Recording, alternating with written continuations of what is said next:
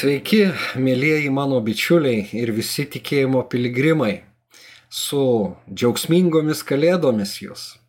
Su mūsų viešpaties Jėzaus Kristaus gimimo diena, kurią štai švenčiame jau antrą dieną. Viliuosi, kad šventės iš tiesų atnešė daug džiaugsmingų akimirkų ir viešpats palėtė jūs savo dvasia, savo artumu.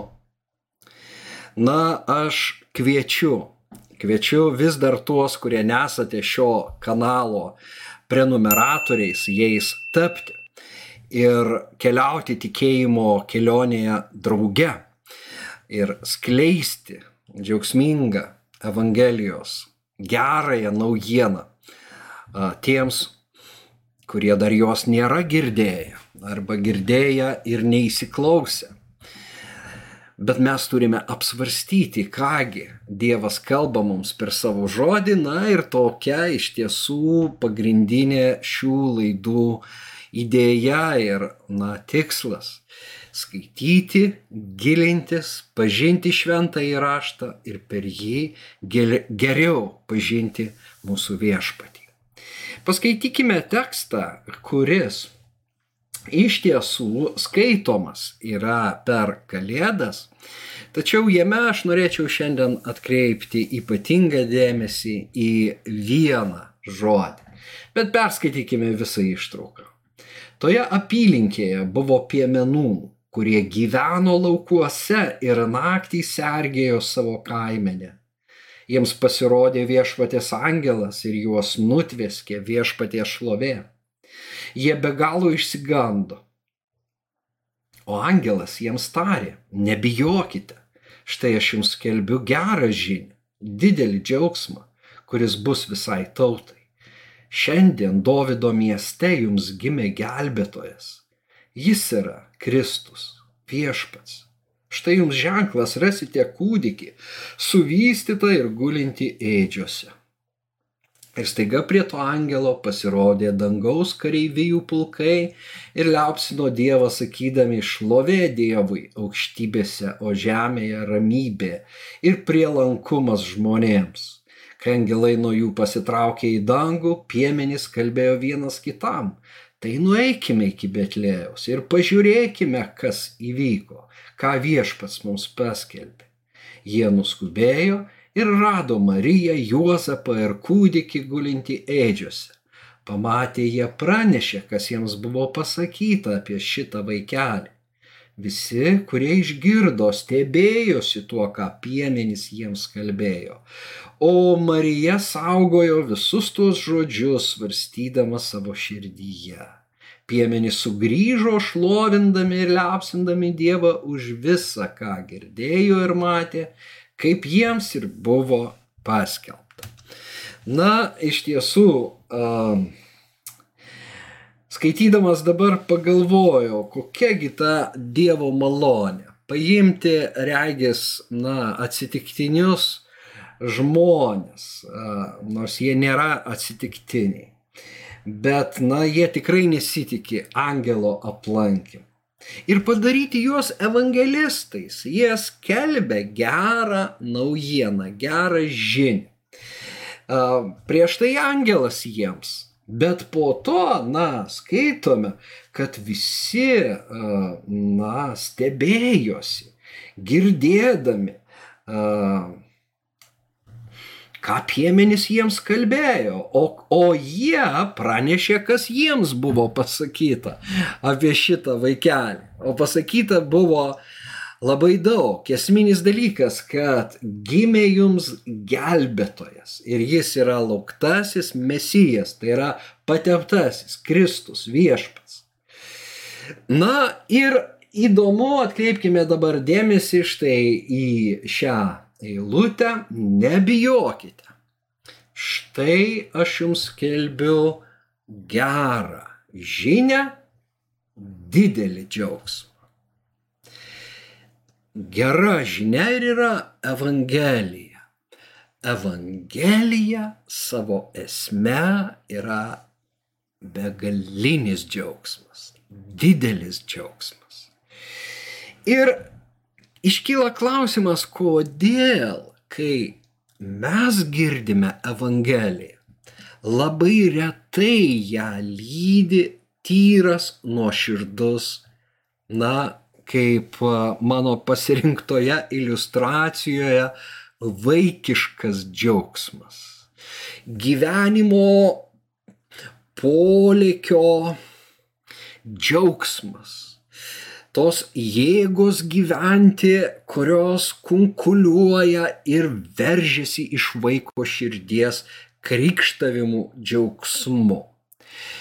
Kodėl mes stokojame to džiaugsmo?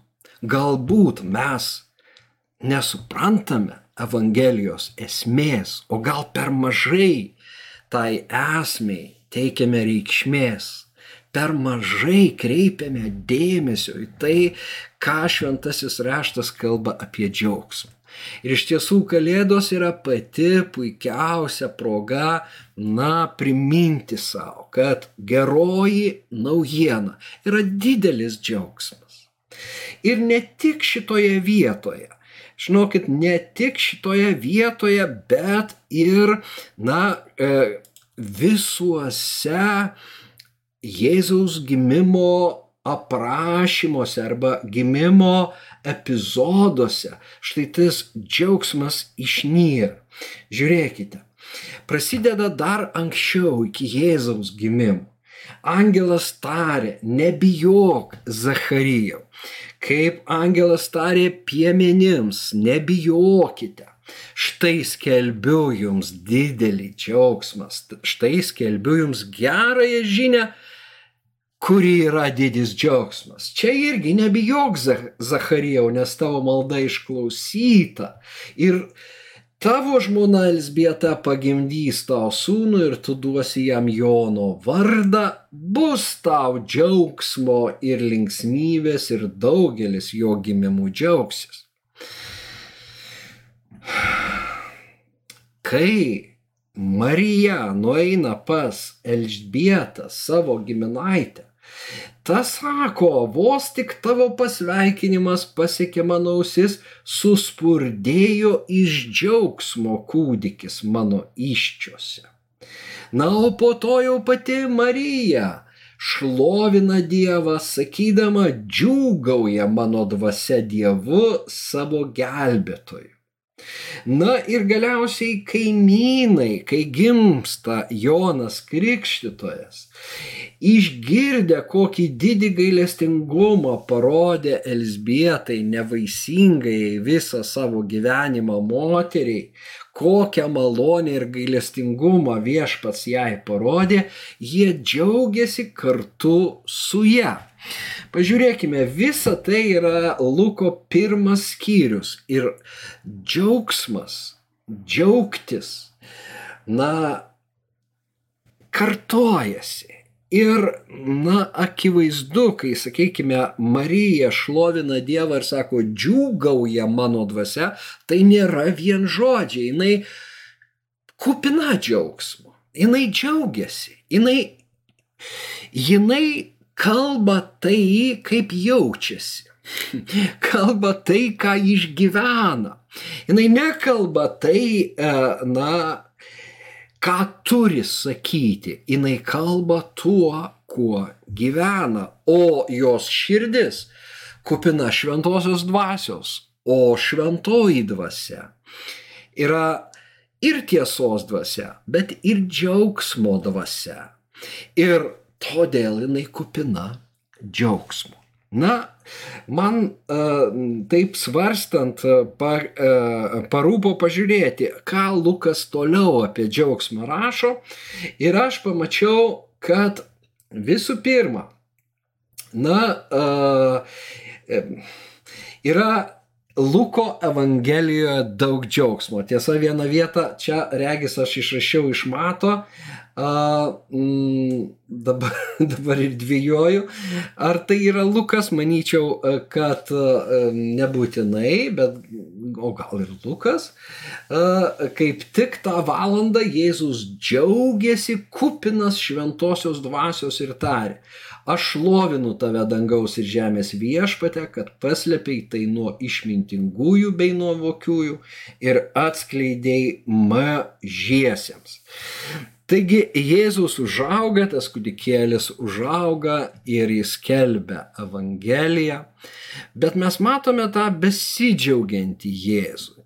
Regis kažkada buvo filmas pastatytas Jėzus, kuris juokėsi ar kažkaip panašiai. Ir, na, autoriai pamėgino šitą uh, idėją perkelti, uh, sukeisdami tarsi, na, tą įvaizdį Jėzaus, uh, tokio rimto, galiausiai kenčiančio dėl mūsų, pakeisti tokiu pilnu gyvenimo džiaugsmo žmogumi. Bet vėlgi atkreipkime dėmesį, kad tas džiaugsmas yra iš šventosios dvasios. Na ir gyvendamas kūne Jėzus turėjo šventosios dvasios būti, na, stiprinamas ir uh, va tas džiaugsmas kyla iš labai giliai, iš šventosios dvasios. Tačiau Lukas, jeigu mes skaitome, ypač uh, labai 15 skyrius yra svarbus šitai temai, uh, mums parodo, kad danguje yra daug džiaugsmo. Sakau jums, taip ir danguje bus daugiau džiaugsmo dėl vieno atsivertusio nusidėjėlio, negu dėl 99 teisiųjų, kuriems nereikia atsiversti. Sakau jums, taip džiaugiasi Dievo angelai dėl vieno atsiverčiančio nusidėlio. Ir ten tos parabolės, tie jo pasitelkti palyginimai vienas apie uh, na, šeimininkė, kuri pametė drachmą, ieškojo, ją atrado, susikvietė kaimynę, sako, džiaukitės, aš atradau drachmą ir, na, piemens, kuris prarado vieną avį, ėjo iškot, atrado ir džiaugiasi ją suradęs. Na ir galiausiai skamba tas palyginimas apie du brolius. Ir ta brolė, kuris tarnauja tėvui namuose, užklumpa netikėtai džiaugsmas, nes jo brolis palaidūnas sugrįžo į tėvo namus. Tėvas kviečia tą brolį, ateik, prisijung, a, na, savo sūnų, bet jis nenori eiti vidun. O viduje ten skamba muzika, šokiai na, tikras pokylis. Ir tada tėvas sako, sunau, na, jis priekaištauja, tėvė, tiek metų aš tau tarnauju ir tu man nei ožiuko nedavėjai su draugais pasilinksminti, aš tai sugrįžo tas tavo sunus, praleidęs visą turtą su kekšėmis. Ir štai tu jam tokį tokią puotą iškėliai. O tėvas atsako, sunau, visa, kas yra mano, yra ir tavo, bet dabar reikėjo džiaugtis ir linksmintis, nes tavo brolis buvo miręs ir vėl atgyjo, buvo pražuvęs ir atsirado. Visi tie epizodai vienaip ar kitaip Luko 15 skyriuje yra susiję su atsivertimu kad Dievui didžiausią džiaugsmą atneša, kai žmogus atsigrėžia į jį, kai žmogus patiki juo, kai žmogus priema jo išgelbėjimo dovaną. Ir, na, todėl pranašas Izaijas yra pasakęs, kad semkite su džiaugsmu, ar jūs semsitės su džiaugsmu iš viešpaties išgelbėjimo šulinių, iš viešpaties išgelbėjimo šaltinių jūs semsite vandenį su džiaugsmu. Štai išgelbėjimas neatsiejamas nuo džiaugsmo. Būti išgelbėtam, atsiversti, reiškia patirti nepaprastą neregėtą džiaugsmą. Tačiau ir toliau gyventi su Dievu nereiškia pakeisti, na, tą būseną iškeisti į kažkokį tai niūrų, rutinišką gyvenimą. Ne, iš tiesų, danguje yra daug džiaugsmo ir iš dangaus atėjusi šventoji dvasia yra kupina džiaugsmo. Reiškia, bažnyčios problema yra šventosios dvasios stoka.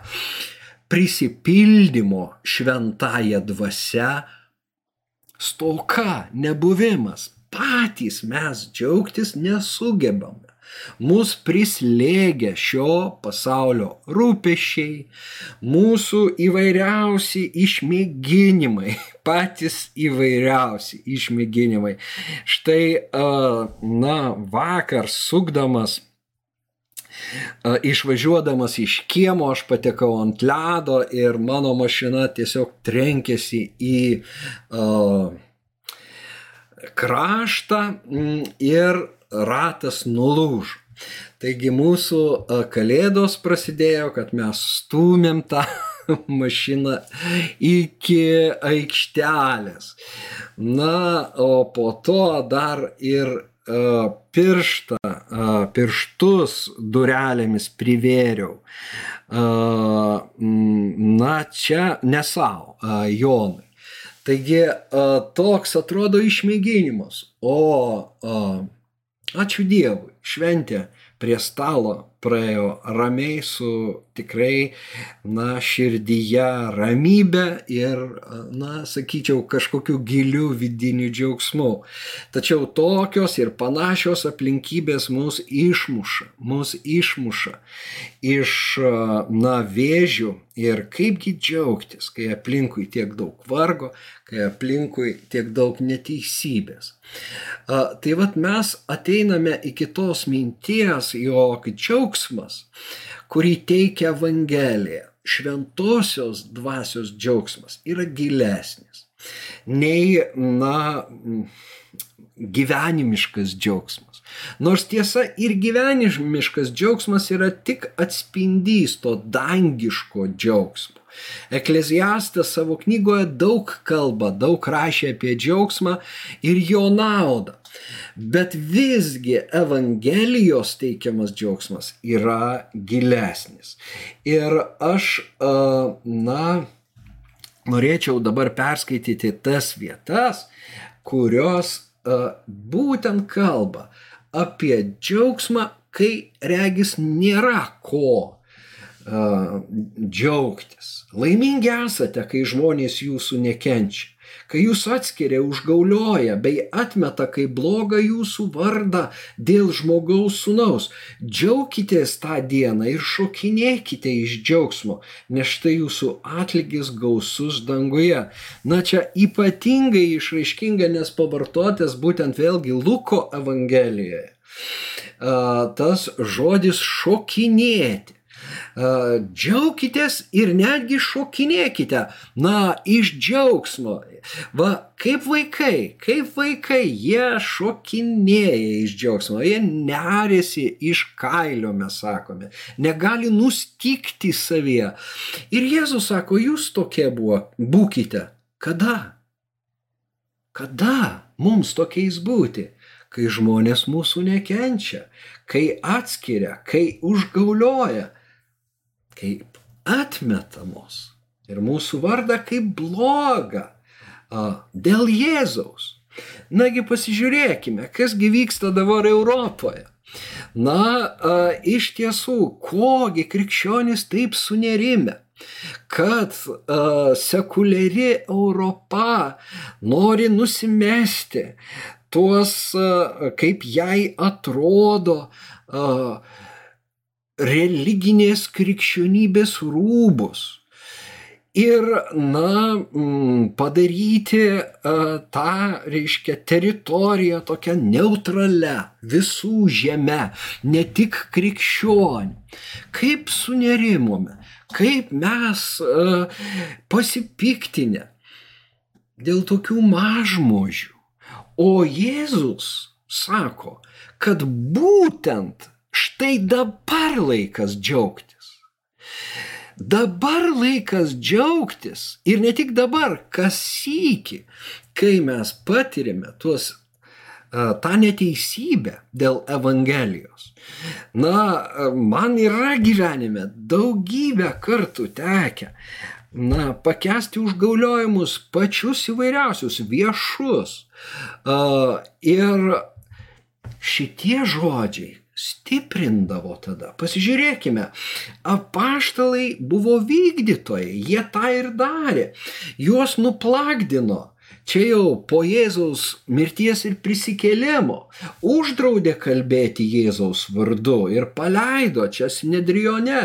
O tie ėjo iš Sinedriono džiaugdamiesi, kad buvo palaikyti vertais dėl Jėzaus vardo iškesti paniekinimą.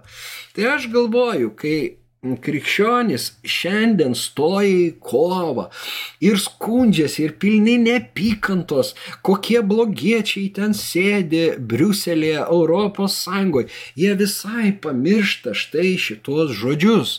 Mūsų dar nieks neplaka, mūsų dar nieks į kalėjimus nesodina. O mes jau pilni pykčio ir grumojame ir sakome, tai mūsų teisės. Ar mes panašus į pirmosius apaštalus? Kodėl mes tokie žmogiški? Mes elgiamės kaip muitininkai, mes elgiamės kaip nusidėliai.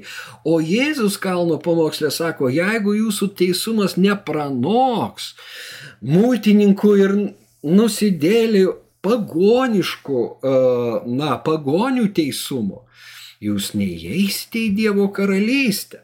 Mes turim kažką savyje daugiau, o tas daugiau yra pati Dievo dvasia.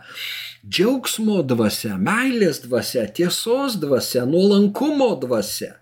Ir mes turim ją vadovautis, o ne siekti vėlgi galios, kurią bažnyčia praranda. Reikia susitaikyti su ta mintim, kad viduramžiškos, na, viduramžių dovanotos galios bažnyčiai laikai baigėsi. Ir tai yra gerai, neblogai. Ir a, jei mes sugrįžtame į dykumą, į pirmosios bažnyčios laikus, kai jinai buvo persikiojama, tai, na, mes esame palaikyti vertais būti toje vietoje. Jie džiaugiasi, kad buvo palaikyti vertais, nes reikia nusipelnyti tokią vietą. Nes kai tave giria, kai tu visiems tinkamas, atlieki tas socialinės funkcijas, pasakai, na, prakalbas švenčių uh, proga visai visuomeniai, kuriai šiaip neįdomu, bet per šventes. Tai čia, nie, čia, čia nieko gero. Ta pati darė pagonių žiniai, ta pati, na, daro netikintis žmonės. Bet Jėzus mus kitaip moko.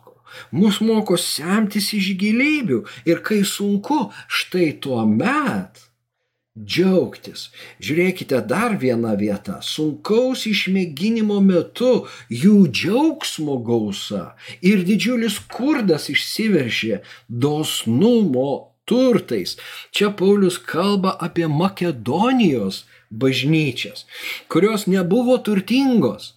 Ir va štai tuo sunkiu metu jos buvo kupinos džiaugsmo. Pats Paulius laiškė kol, e, kolosiečiams sako, aš džiaugiuosi savo kentėjimais dėl jūsų.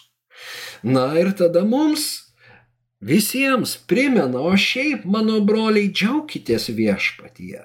Vis tą patį jums rašyti, man nėra našta, jums tai suteiks tvirtybės. Visuomet džiaukitės viešpatyje. Ir vėl sakau, džiaukitės.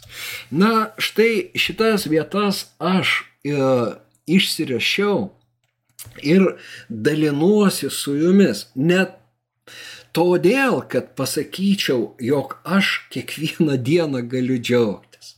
Bet galbūt todėl, kad būtent norėčiau, na, visus ateinančius metus priminti savo, kad ir pačioj sunkiausioj vietoj, nežinom, kas mūsų laukia ateinančiais metais. Bet, na, išmėginimų nemanau, kad mažės. Tačiau va šitie žodžiai tegul būna mums pastiprinimas.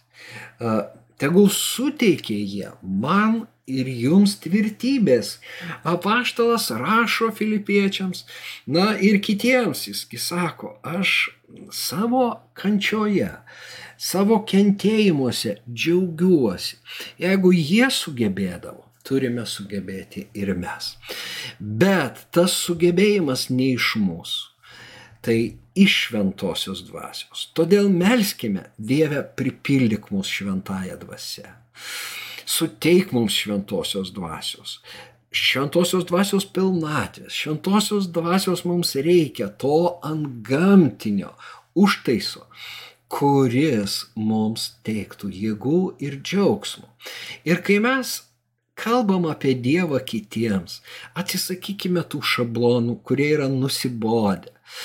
E, ypatingai atsisakykime na, pasiaukštinimo, nes ne tokia yra Evangelija. Na, per šventes man teko matyti keletą tokių postų Facebook'e, kad, na, pasaulis džiaugiasi ar ten, na, ramybė, o aš turiu ramybę kiekvieną dieną. Ne, mes, mes gyvename pasaulyje. Ir kol mes esame pasaulyje, mes turim suspaudimų kaip ir visi kiti. Kodėl save prieš kitus aukštinti? Argi taip mes jiems atnešime gerąją žinią? Jie verti gerosios žinios, nes Jėzus dėl jų mirė mirė dėl visų, už visų nuodėmės jis mirė. Mes nieko negeresni, kad atsiveriam tai žiniai, kad patikėjome Jėzumi. Kaip galim su tokia nuostata? Todėl, na, atnešti gerąją naujieną. Niekaip, nes mes tik tai iš karto kalbam iš akšto. Aš geresnis už tave, nieko negeresnis, gal kaip tik prastesnis. Ir uh, todėl mes turim atsisakyti to vat, pasipūtimo dėl to, kad esame krikščionis. Mes turime visai uh, palaidoti neapykantą Ir, na, džiaugsmas ir murmėjimas nesuderinami. Žiūrėkime, Izraelis murmėjo. Na, o pirmoji bažnyčia džiaugiasi. Ir iš tiesų tuose netgi kančios aprašymuose mes pasigendam kaltinimų tiems kaltintojams. Jėzaus kaltintojams. Mes pasigendam to keršto tiems, kurie lygtai ir pelnytai būtų jo verti, nes jie kovojo prieš tiesą. Ne, Evangelija yra geroji žinia ir todėl tas didis džiaugsmas netgi tiems priešininkams. Ir va šita nuostata iš tiesų gali paliesti žmonės, ne šablonai ne šablonai, ne, a, na, jokių būdų etikečių klyjavimas. Turime peržiūrėti savo, na, klišes, žargoną, kuriame pilna tų klišių ir atrasti tai, kas iš tiesų spinduliuotų mūsų viešpaties džiaugsmą ir leistų šventai dvasiai uh, paliesti širdį gerąją žinę, gerąją naujieną. Taigi dar kartą džiaugsmingų kalėdų ir džiaugsmingų ateinančių 2022 metų. Te kiekvieną dieną šie žodžiai apie džiaugsmą lydimus ir teikia jėgų. Iki kitų kartų sudė.